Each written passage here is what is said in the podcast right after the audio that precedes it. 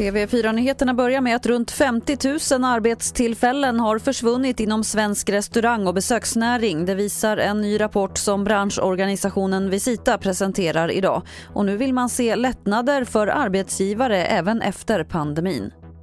Unga, hotell i storstäderna och restauranger som bygger på att människor reser eller går till sina kontor har enligt Visita drabbats allra värst.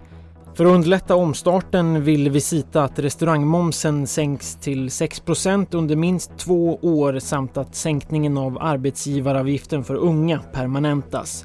Dessutom vill de se ökade resurser till marknadsföringen av Sverige som turistland. Reporter var Filip Jakobsson.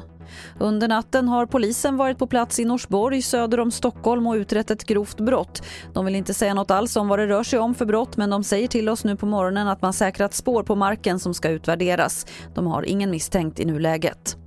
Och vi avslutar med fotboll för Spanien har drabbats av ett avbräck inför EM-premiären mot Sverige. En av spelarna, lagkaptenen Sergio Busquets, har testat positivt för covid-19 och har satts i karantän.